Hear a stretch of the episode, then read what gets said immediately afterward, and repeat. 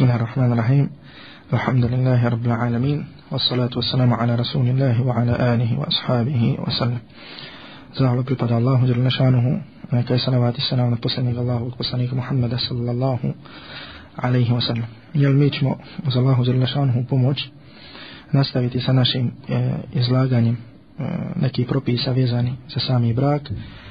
A na samom početku bi e, želio da se malo vratimo na ovo pitanje koje je prošli put bilo postavljeno i lično mislim da nismo možda dovoljno e, jasno ga odgovorili, možda dovoljno pojasnili. To je bilo, na primjer, e, jel da kažemo stvar koja se često dešava, svjedoci smo te stvari, a to je da e, od, dešava se da djevojka želi da se uda, e, e, tu se tako pojavi se momak koji želi da je ovaj oženi, međutim e, staratelj to ne dozvoljava. I onda se desi tako da kažem ili da ona pobjegne, jel tako, ili da se tu pojavi neka osoba koja joj e, bude staratelj i koja je tako da kažem oda. Mi smo prošli put spomenuli da je mišljenje većine islamskih učinjaka, a to je mišljenje Hanbelija, Šafija i Malikija, da djevojka ne može da uda samu sebe, nego da je neispravan onaj brak koji bude bez staratelja. I to se gradi na hadisu Allahu poslanika alaihi salatu wasalam gdje kaže la nikaha illa bi walijin da nema braka, to jest nema ispravnosti braka bez staratelja. Međutim, također smo spomenuli da u, e, tako, da u određenim situacijama otac nema pravo da zabrani svojoj čerki da se uda. Tako, na primjer, ukoliko dođe mladić koji je pobožan, znači ne, E, vidimo na njemu tragove, e, da ka, kažemo tako, vjere, tragove bogobojaznosti, vidimo tako da kažemo u istu ruku da je dobro situiran što se tiče ove dunjavničke stvari, ako se, da kažemo, sa te dvije stvari, pojavi taj mladić, starata nema da sprijeć, nema pravo da spriječi udaju svoje, da kažemo, čerke za tog mladića. Nego je šarija da kažemo da on njemu, je tako pravo da ne dozvoli, ukoliko se desi da osoba koja dođe da nije ispravne vjere, Ja tako da vidimo na njemu tragove griješenja, zatim e, ona osoba sa kojom će biti problema, tako da kažem možda kada je u pitanju ta materijalna strana, međutim kada dođe onaj, a to se u šerijatskom pravu naziva el kuf, onaj koji je sposoban, to jeste ima vjeru i ima druge stvari koje su potrebne za brak, tada tu staratelj nema pravo, tako da kažemo da se upetlja. Nego ukoliko on zabrani djevojci da se uda, automatski sa tom zabranom sa njega spada pravo starateljstva i e, jedan dio islamskih učenjaka kažu da ukoliko se od njega ponovi više puta da zabrani, da on postaje griješnik, da se ne prima njegovo svjedočenje i tako dalje. E sad rekli smo, jedan broj islamskih učenjaka kažu da starateljstvo sa njega prelazi na kadiju, međutim i danas nema on kadije, a jedan drugi dio islamskih učenjaka kažu da prelazi na staratelja posle njega. To jeste ukoliko bi se našao dedo ili bi se našao amđa. Ukoliko se ne nađe niko tako da kažem od tih staratelja, u tom slučaju djevojka ima šerijatsko pravo da da puno moć nekom da kažemo od muslimana, bogobojazni muslimana koji ima znanje Kur'ana i sunnata Allahovog poslanika alaihi salatu wasalam, da ga puno moći i da mu da pravo da je uda i da on bude taj koji će joj biti velje. Mi kažemo, znači u našim, e, našoj situaciji kada nemamo kadije, do, ispravno je da djevojka da puno moć da kažemo nekome ko će je vjenčati i od one uleme da kažemo koji su e, upravo ovako ovim riječima to spomenuli, jeste na primjer imam Kurtubi, Rahmetullah Ali, svom tepsiru, zatim što se spominje u dijelu Menaru, Sabid i u drugim stranu.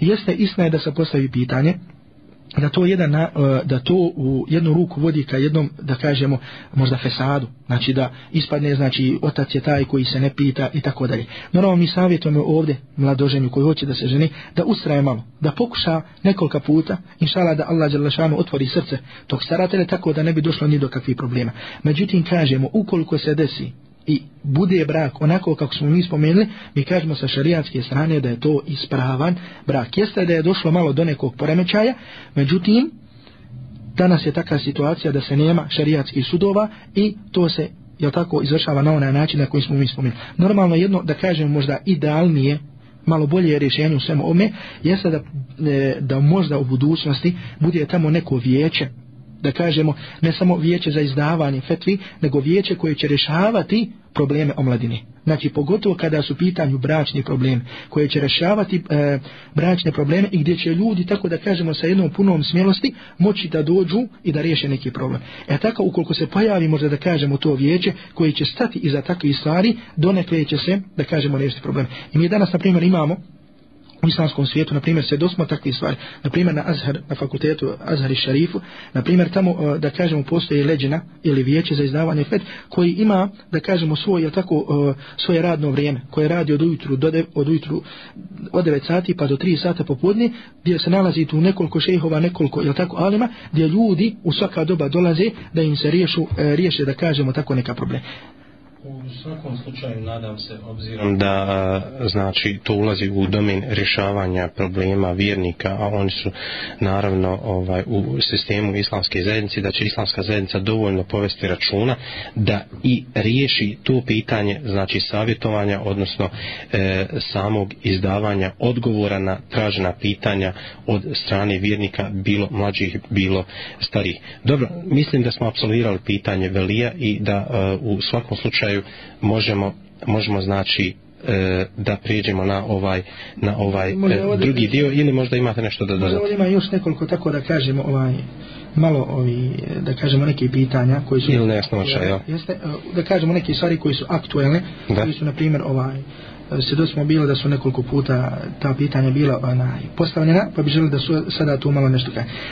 E, ne, pojavio se da kažemo jedan dio omladine koji je počeo da govori o nekom tajnom braku a to je da je dozvoljeno da kažu, tako da kažemo, da je dozvoljeno, znači da mladić, e, da kažemo bez do, znanja ili bez dozvole roditelja da napravi da tako da naprave jedno vjenčanje jedan akt vjenčanja uz prisustvo tu nekoliko ljudi koji će posle toga to sakriti i neće ljudima tako da kažem, tako da bi oni možda na neki način imali pravo da možda zadovoljen svoje strasti a da to njihov vjerovatelj ne zna i da kažu da je to u redu sa šarijatske strane mi kažemo ovdje kada su pitanje ovakve stvari rekli smo jasno da brak ne može da bude bez, staratelj, bez dozvole staratelja znači da mora da bude tu neko šta koje je staratelj i zatim u svoje mišljenje jednog dijela islamskih učenjaka da kada je u pitanju sjedočenje u braku, da taj brak je obavezno da se razglasi, znači da se svim ljudima da do znanja da je ta u brak sa tom i tom osobom i to je na primjer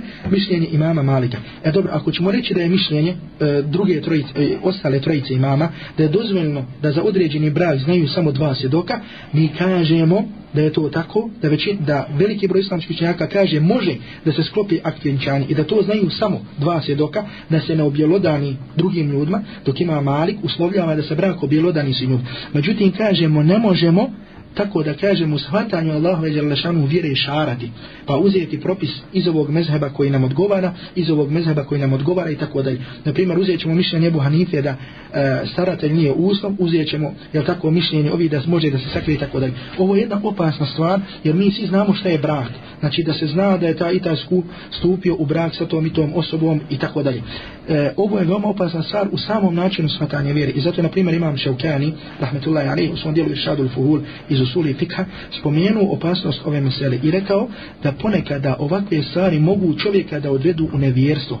To jeste da vjeru shvati veoma lahko, da kažemo, i da od svakog mezheba ili anima uzme ono mišljenje koje odgovara njemu i njegovoj duši. Tako da bude e, jedno pravilo u njegovom životu da uzima samo ona mišljenja koja su mu lahka. Tako, na primjer, da kažemo da uzme, e, eh, sad može da... Sistem znači ruhsi olakšica u svakoj situaciji. Normalno, olakšice su, znači imaju svoje mjesto u određenim situacijama, međutim ne na ovaj način tako da kažemo na koji se to razumije pogotovo onda a, koja se da kažemo mafsada dešava tu na primjer kada ljudi čuju e eh, oni su bili u nekom tajnom da kažemo braku onda ljudi kažu ma šta su drugo radili nego da kažemo zinalče ali tako dalje pojavljiva se jedna šteta na koju moramo jel tako da oba zatim e, također jedna stvar postavljeno je bilo pitanje da li je dozvoljeno sklapanje braka putem kompjutera ili da kažemo putem neki drugi ovi je tako uh, sredstava za komunikaciju, za komunikaciju na primjer kao što je telefon, kao što je telefax i tako dalje, međutim možda je malo aktuelnije ovdje uh, pitanje eh, interneta, znači, pitanje samog interneta, da li ne. čovjek može preko interneta da sklopi brak uh, po pitanju ove mesele uh, vijeće za izdavanje fetvi u džidni jedno od najpoznatijih vijeća u islamskom svijetu kada je u pitanju izdavanje fetvi koje je okuplja da kažemo najeminentniju ulemu jel? da, koje je sakuplja ulemu iz, e, ulemu iz svih dijelova islamskog svijeta je donijelo odluku ili karar ili da kažemo fetvu pod brojem, evo da spomenemo 6,3 kroz 54 gdje se kaže da kada je u pitanju internet, telefon, da nije dozvoljeno sklapanje braka putem znači bez fizičkog prisutva bez tih stvari znači da nije dozvoljeno sklapanje braka putem tih sredstava i zato e, sredstava i zato pominjem na ovu stvar i kažem je tako da pitanje braka nisu nešto što je tako da kažem što se lakše možemo li to shvatiti znači da moraju biti fizički prisutni na jednom mjestu e, moraju da budu prisutni normalno u osnovi međutim može da se desi znači dozvoljeno je da oni daju puno moć tako da kažemo da muškarac da puno moć Vekal. da, dadne vekalu ili ona isto tako da da puno moć drugoj osobi i da te, dru, te dvije osobe da kažemo izvrše činjenčanje vas je doka na jednom mjestu da šta da izvrše čin vjenčanja. Zbog čega? Zato što je uslov el iđab i kabul. Znači da. prihvatanje ponuda. I da odmah ta ponuda dođe i za prihvatanje. Zatim ovdje još jedno pitanje sa kojim bi završili ovaj sami akt vjenčanja.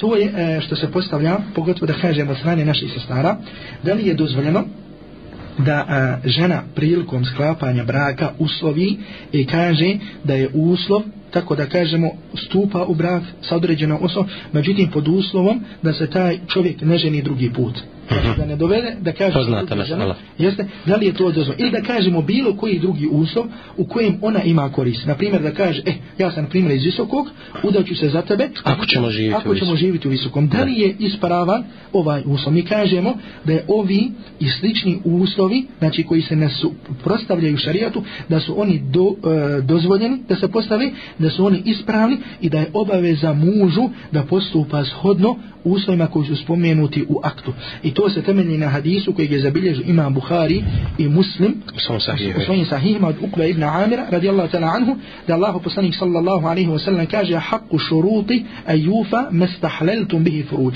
šartovi ili ustovi koji su najpreći da se ispunjavaju su oni jeste sa kojima se dozvolili tako polni organi to jeste misli se učinili halalom jednim prema drugim halalom, to je sami akt ova vjenčanja. I ovo je mišljenje imama Ahmeda, rahmetullahi alaihim, i koji je odabrao veliki broj islamskih učenjaka, među njima je šeheh Islam ibn Taymiye, njegov učenik Ibn Qayyim, i koliko mi je poznato većina, ili veliki broj e, učenjaka današnjice, odabire ovo mišljenje i smatra kao najispravnije. Kao najispravnije. Istina je da u ostala tri mezheba, u mezhebu imama Šafije, Malika, Jebu Hanife, da oni kažu da nemaju ti uslovi nikakvu, tako da kažemo, nikakvo značenje. Nego ono na što se odnosi ovaj hadis hadis, oni kažu da se to misli na mehr, na vjenčani dar, a oni kažu ukoliko žena postavi taj uslov da muž kasnije ima pravo šta, da se ponovo oženi ili da je da kažemo onaj e, od, odvede u drugo mjesto i da je to isto. Međutim, mišljenje imama Ahmeda i što kažemo što je ispravno mišljenje, da je muž obavezan da ispuni taj uslov. I ukoliko bi on prekršio to, da žena tada ima pravo na fesh, na fesh a to je razvrgnuće braka i ukoliko bi se desilo normalno da to dođe, to razvrgnuće nakon polnog odnosa, muž je obavezan da joj isplati, isplati mehr, ja. čitav mehr. Međutim, jedino ukoliko bi se desilo da dođe, to razvrgnuće prije polnog odnosa, onda u tom slučaju on nije obavezan ništa da joj isplati od mehra. Prije nego što e, spomenemo neke od propisa mehra, mislim da je potrebno da spomenemo samo definiciju mehra ili vjenčanog dara, kako se to kod nas kaže, a mehr ili vjenčani dar e, jedna od definicija što se spominje jeste ma ođebe bi nikahin. To je ona imetak koji postaje obavezan sklapa, uh, samim sklapanjem akta vinčanja. Činom sklapanja braka. Znači onda kada stupi u akt vinčanja, od tog trenutka čovjek postaje obavezan da isplati određeni dio imetka svoje žene. Ja tako. Znači to je ono, znači on postaje, znači to postaje jedan dug. Odnosno njega, obaveza, jeste, Dug njegov prema njoj. Uh, E, kada je na primjer e, da kažemo da li je mehr obaveza vađib, da li je sunna, tako da li kažemo ostaje mehr je vađib, znači nešto što je muž obavezan da isplati svoje žene i to se temelji na riječima Allaha subhanahu wa ta'ala kada kaže wa atun nisa sadukatihinna nihle i ženama dajte vjenčane darove na najljepši nađe.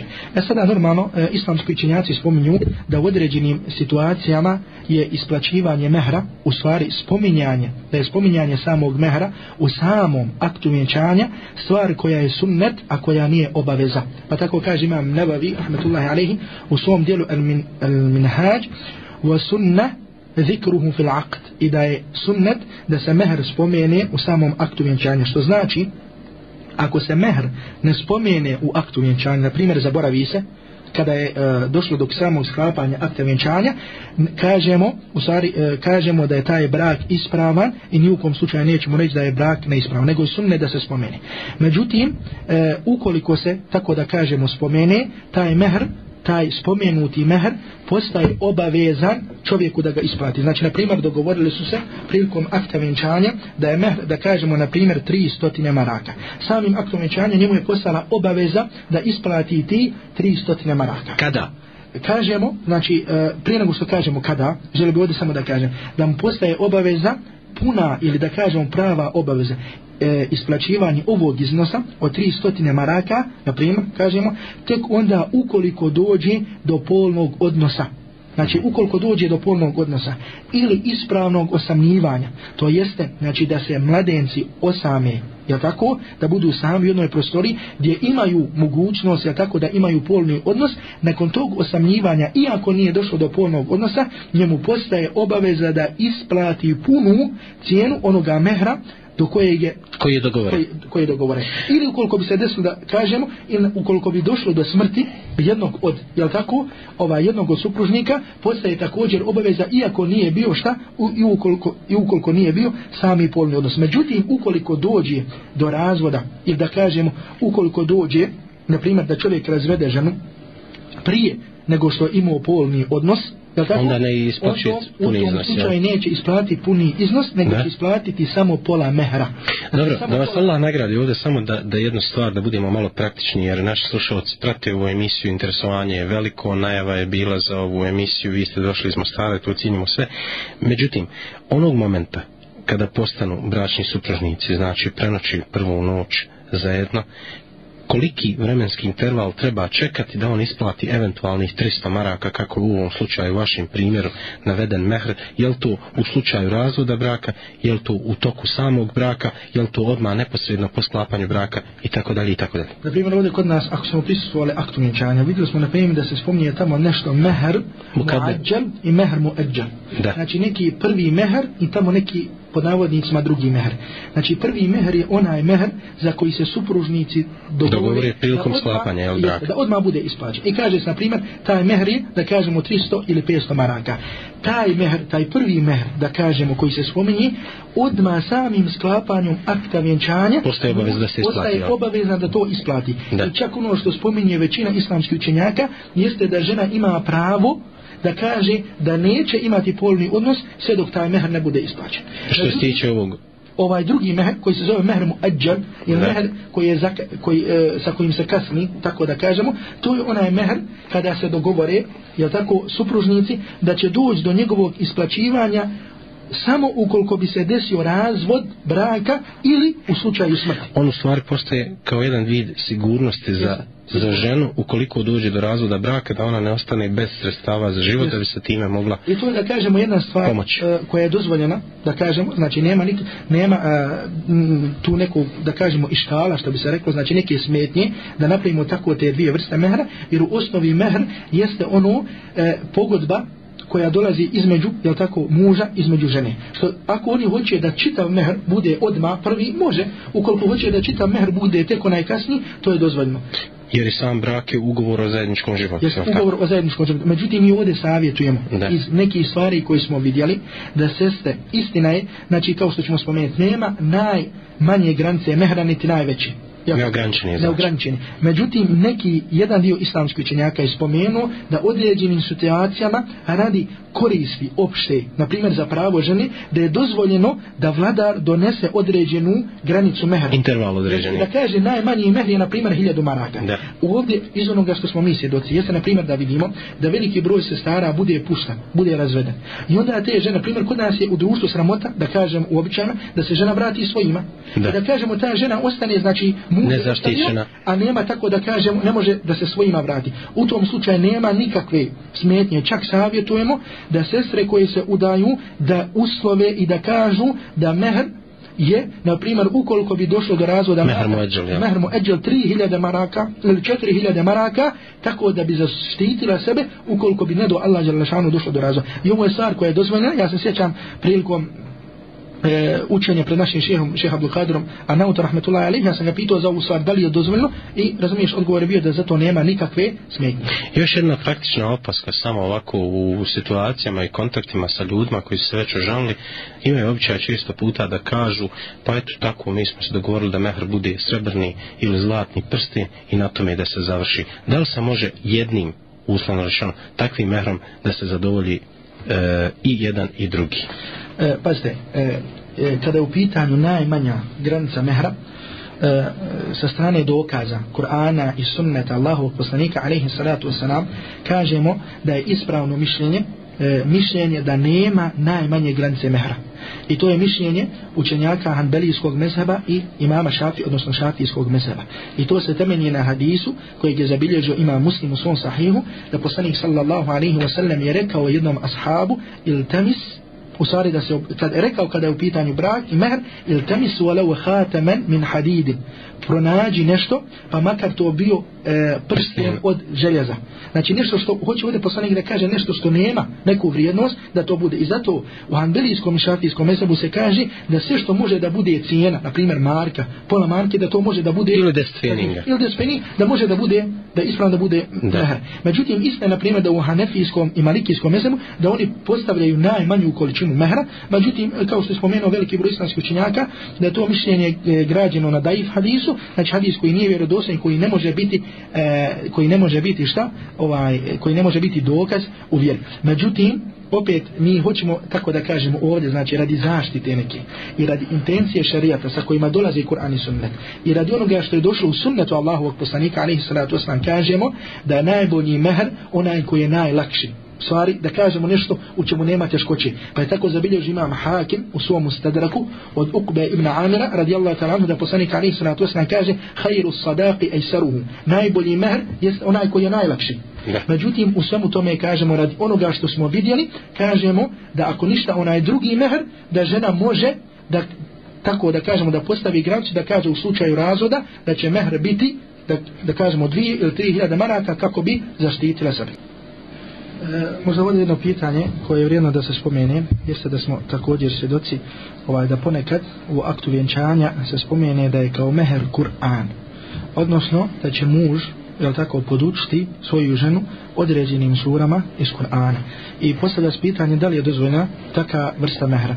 Ovakva vrsta mehra je dozvoljna po mišljenju imama Šafije, rahmetullahi alaihi, koji svoje mišljenje gradi na vjerodostojnom hadisu kojeg je zabilježio ima muslim u svom sahihu da je došao čovjek Allahom poslaniku alaihi salatu wasalam koji je tražio da se oženi i nije imao jel tako šta e, da da kao mehr pa je poslanik sallallahu alaihi wasalam ga pitao da li ima išta kod sebe od Kur'ana da li zna išta od Kur'ana pa on rekao da zna, pa je poslanik Ali Saratu Islam rekao, idi, pa kad zauvađi tu kebi ma ma'ke min al Kur'an, ili kaže, a ja sam te oženio ili vjenčio te sa onim što ti imaš od Kur'ana, to jeste njegovo pamćenje Kur'ana i da svoju ženu poduči određenim ajetima iz Kur'ana je dozvoljeno da bude mehr po mišljenju mama šafe i to je mišljenje koje odabire veliki broj islamskih učenjaka. Slično ovom pitanju, postavlja se pitanje ili e, vidimo da nekada kažu mladenci ili da djevojka kaže da je mehr hađ, cijena hađa. Naprimjer, da muž je odvede sa sobom na hađ. Što je posebno izraženo u našim uslovima i prilikama ovdje u Bosni i Hercegovini da, da. kao težnja za, za tom vrstom i badet. To je normalno jedna stvar koja je za pohvala da Allah Želešanu u nagradi naše sestre koje imaju želju za tim hajrom da i e, obavez e, da izvrše tu dužu. Međutim, napominjemo i kažemo da je kada je u pitanju mehr, da je obavezno da taj mehr bude precizno određen. Znači, ne može biti nešto što je međhul nepoznato. Zar je hađ? precizno ne određeno. E, mi misli, e, moje mišljenje da e, ako se spomene samo hađ kao hađ, da nije precizno određen. Jer nekada može da se desi šta, da, tako da kažem, da li se misli hađ avionom ili autobusom. A mislite na cijenu hađa, da, koliko će iznositi određenu? Znači, razlika između cijene hađa ako je autobusom i avionom. Naravno, na hađ se može putovati za 2000 konvertibilnih maraka i za 20.000 konvertibilnih znači, maraka. Znači, da li podrazumijeva na ili da idu privatnim autom, pa da prođe malo kroz ovu zemlju, da se malo odmore, da li, na, na primjer, cijena hađa ove godine godine i sljedeće godine nije, nije ista, nekada čak mo, mogu da, jel tako, bili smo sljedeće jedne godine kada je naglo porasla. Izvijente samo, znači, ako se spomeni da je mehar Jeste? u ovom slučaju, recimo, hađ u vrijednosti od, recimo, 5000 konvertivnih maraka. Da se kaže, ili, na primjer, hađ ove, da kažemo, godine koji iznosi toliko i toliko, hađ, na primjer, autobusom, ili da kažem da odmah napomenu, kako se ne bi kasnije desilo da dođe neki e, nesuglasica među njima. Kaže, ukoliko se desilo da je na ovakav način se je desio, potrebno je da se ponovo dogovare Jer inače ukoliko bi se desilo da nekada, na primjer,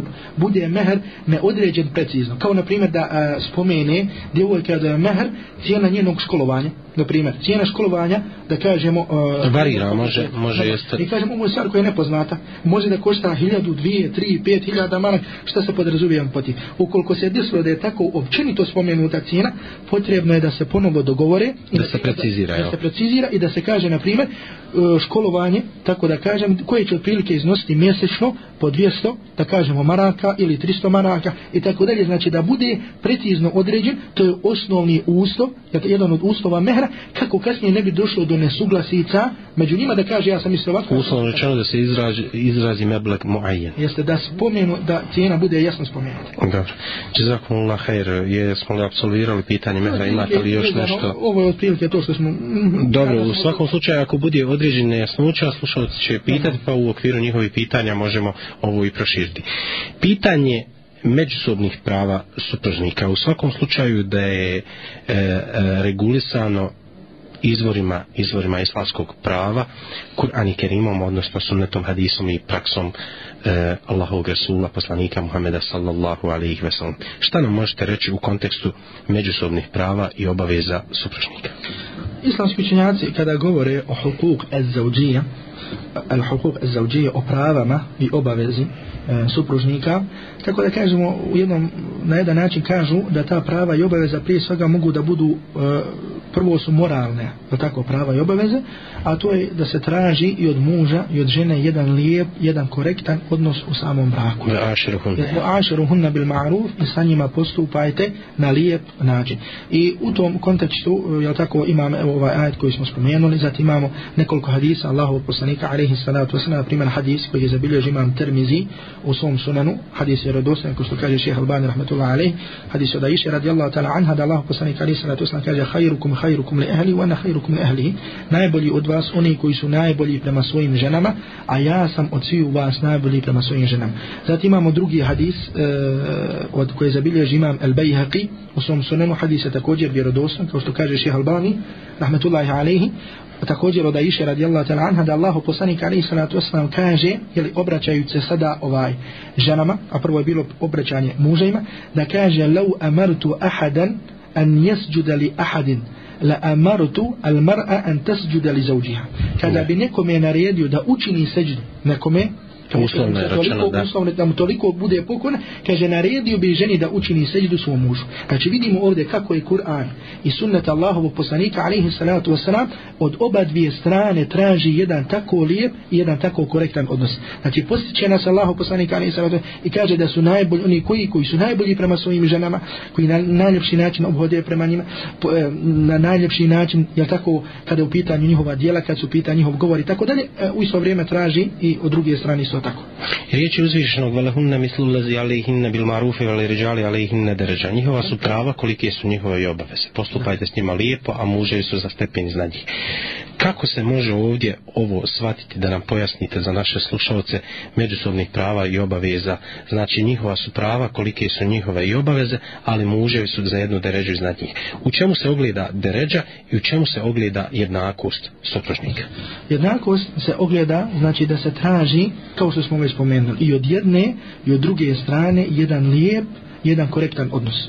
I onako ko što je to po Kur'anu i sunnetu Allahu poslanika, da jedno sabura sa drugim, da prelazi jedno drugom preko loših postupaka, da eh, je tako da u svoju glavu uvijek stavlja ono lijepo što zna od svoje žene i od svog muža i tako da je. Međutim, dok opet sa jedne druge strane imamo jedan pravni, tako da kažemo, status. Znači da određene stvari, na primjer, ne samo da kažemo ono moralno, kad mi kažemo moralno mislimo lijepo, ne, nego da određene strane stvari da je žena obavezna prema mužu, da je muž obavezan prema ženi. Tako na primjer prva stvar koju bi želio ovdje da spomenem jeste, znači da je žena obavezna da izmeti svoga muža. Znači to je mišljenje, istina je da spomenemo možda će to neke, da kažemo, žene uzeti u svoju korist. Međutim, veliki broj islamskih učenjaka kažu da nije žena obavezna da posluživa svog muža nego da jedino tako da kažemo da ona će prati sebi, da će on prati njoj i tako dalje. I ovo je mišljenje, da kažemo, mišljenje hanefijskom mesabu, i malikijskom mesabu i šafijskom mesabu. Zatim postoji ovaj drugo mišljenje koje kaže da se te stvari odnose na običajno pravo. Znači, da li običaj u jednom narodu da, e, da žena posluživa svog muža ili ne, Mi kažu, na primjer, ovdje kod nas običaj da žena šta izmeti svom mužu, u smislu da mu pereje, da mu kuha i tako dalje. I treće mišljenje koje se kaže da se ne gleda na običajno pravo, nego da u svakom slučaju da je žena obavezna da služi svom mužu i ovo je mišljenje, da kažemo, koje je prihvaćeno od strane velikog broja islamskih učenjaka, među njima je veliki dio malikijskih učenjaka, malikijskog mezara, zatim mišljenje šehhul Samba ibn Taymije, mišljenje ibn Qajim, rahmetullahi alaihi, ibn Qajim obširni, on njemu govori u svom poznatom dijelu Zadul Ma'ad i navodi dokaze koji upućuju na to da čak kažemo i ovaj ajet na jedan način može da to znači, znači da one su obavezne, da čine to, jel tako, prema svoje muže, kao što ćemo i da su mužavi druge obaveze, jel tako, obavezni prema njima. Šta je sada rađih po pitanju Urfa u e, ovoj Ono što spominje većina islamskih učenjaka, e, naših Abu Qadr, rahmatullahi alaih, zatim rekli smo še, šehehu Islam ibn Taymiye, ibn Al-Qayyim, opširnije govori da je žena obavezna, šta, da posluživa svome mužu.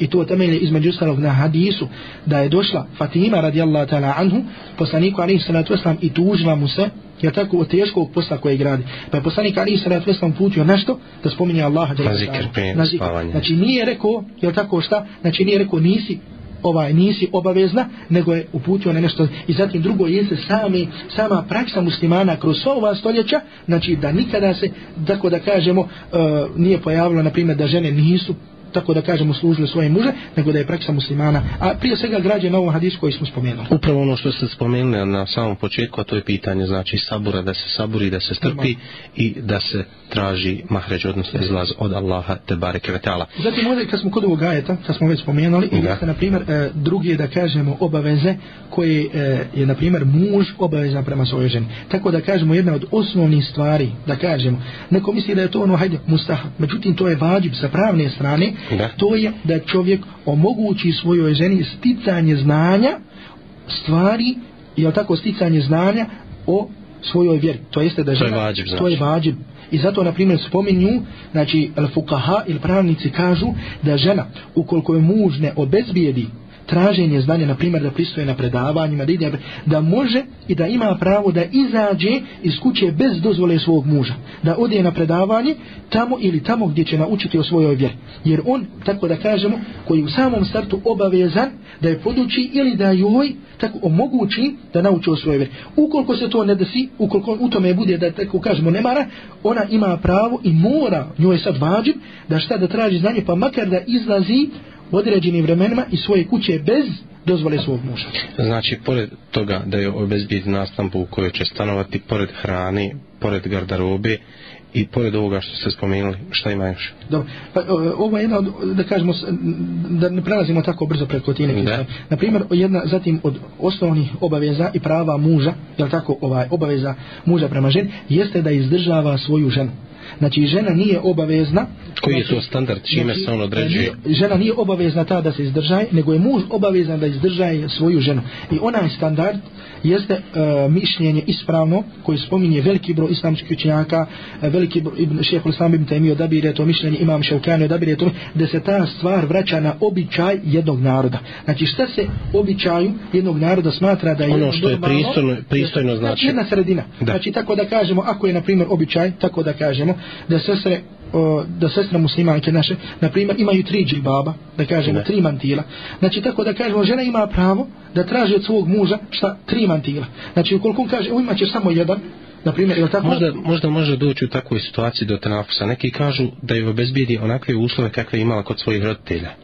Ovi, ovdje ono mišljenje što smo rekli što ispravno što spominje imam Ševkani veliki broj ulemi da se to vraća na običaj naroda i na mogućnost muža Da. Znači, tako da kažemo jedna sredina da bude. Jer nema u Kur'anu i sunnetu. Precizno, jel? Precizno određeno. Znači, da li je ta granca ovolika i onolika. Da, spominje se određeni stac, ukoliko dođe kod nje, e, među njima do razilaženja, mogu da se obrate kad, i da kad je tu njima odredi. Naprimjer, da on kaže šta je običaj jednog naroda. Ali kažemo, držimo se onoga što je sredina i što je nešto normalno i bil ma'ruf na najljepši način u jednoj sredini. Što znači, ako je, na primjer, normalno da ona ima tri da imaju e, žene, jel tako, njene prijateljice, njene sestre, po tri džilbaba, sasvim normalno da ona traži toliko. Znači, ili bilo nešto drugo. Da kažemo pet, znači, ili kažemo bilo koja druga stvar, na primjer, kako će jesti, koju će hranu jesti, možda hoće da ide meso svaki dan, hoće da ide, ne traži ono znači što je normalno, što se sad, e, smatra normalnim, i u jednom, u jednom društvu jeste. Da se to i to je znači obaveza muža prema svojoj ženi. Pored onog, pored one obaveze žene da saburi u svim uslovima i situacijama kroz koje prolazi sa svojim supružnikom, odnosno sa svojim mužem. Šta su još ta osnovna, e, osnovne obaveze koje je dužna da ispuni svaka ona koja vjeruje u Allaha i koja vjeruje u sudnji dan, koja se boji Allaha i koja je e, potpisala uslovno rečeno nekad i bez potpisa aktu nikah, koja je znači prihvatila jedan takav brak da živi i da postupa sukladno principima na čijelima kuransko-hadijskih tekstova. Mi smo u prošloj emisiji, kada smo počeli da govorimo o braku, rekli smo e, da je akdun nikah ili akt venčanja šariatski, da je to put da čovjek, tako da kažemo, zadovolji svoje strasti na jedan halal način. Tako da je pitanje e, polnog odnosa, ili da kažemo ovaj, e, E, zadovoljavanja strasti na halal dozvoljen način jedno od glavnih pitanja i glavni da kažemo namjera samog braka. Tako na primjer ko što nam je došlo u hadisu Buhari i Muslima da Allah poslanik Ali se to stan kaže da ona žena koja odbije svog muža u postelju je tako da je onaj koji je na nebesima da je ljut, da je, je tako znači da je zaradila sa tim Allahu subhanahu wa ta'ala srđbu. Mi kažemo znači žena je obavezna da se odazove svom mužu u postelju onda kada on to zatraži od nje. Međutim, Osim u stvari it. osim u situaciji hajza, ukoliko žena ima hajz, tada normalno, znači ne smije ili bolesti, da se odazove, ili ukoliko je, e, ima štete neke, bolesna i tako dalje. Međutim, ovdje je pravilo, želo bi ovdje da spomenem sada jedno tako da kažemo opšte pravilo, što važi i za muža i za ženu. A to je, na primjer, neki broj, e, što se tiče žene, znači došli su nam dokazi gdje nam kažu da je obavezna da se odazove svom mužu u postelju, osim kada je u hajzu, a i tada, da tako, može da sa njom ima odnos, međutim, s tim, je tako, što ovaj, što će se kloniti, o, što spominje je veliki broj islamskih učenjaka, na primjer, to je od pupka i do koljena, međutim, na drugi način može da se zad, ovaj, e, zadovolji, znači to je ono, tako da obavezna je da se dozove. Međutim, opet sa druge strane, da li je muž obavezan da se odazove svojoj ženi. Neki, na primjer, islamski učinjaci kažu da je muž obavezan, na primjer, da se, odazo, da se onaj odazove, koliko, na primjer, kažu jedan put u četiri mjeseca. Jedni kažu, na primjer, da je obavezan samo jedan put prilikom čistoće da ima sa njom polni odnos. Na primjer, Ibn Hazm, rahmetullahi alaih, u svom dijelu Al-Muhalla kaže, uzima ajed, fa idha te taharna fa tuhunna min hajse amarakumullah. Kada se oni očiste, priđite im kako mi Allah je lešao naredba. On kaže ovdje se odnosi, ovdje dolazi naredba nakon čistoće, što znači nakon svače, kje čistoće je potrebno je da ima sa njom jednom pomnoz. Međutim, mišljenje koje je ispravno, koji je prihvatio veliki broj islamičkih učenjaka, među njima šehe Islam ibn Taymiyyah, rahmetullahi alaihi, koji odabire u svojim fetvama, a to je da je čovjek obavezan da se odazove svojoj ženi onoliko koliko ona traži od njega, koliko potrebu ona ima, tako da zadovolji njenu potrebu, osim da kažemo opet vraćamo se ukoliko e, na primjer nešto drugo zahtjeva na primjer on da ima štete u tome on također na primjer radi bolesti ili do, da nije u stanju tada ni obavezan međutim traži se znači od jednog i od drugog da zadovolje svog bračnog partnera onoliko koliko taj da kažemo sami partner traži jer to je jedna od osnovnih intencija da tako jedna od osnovnih namjera maksada što se kaže ovaj samog braka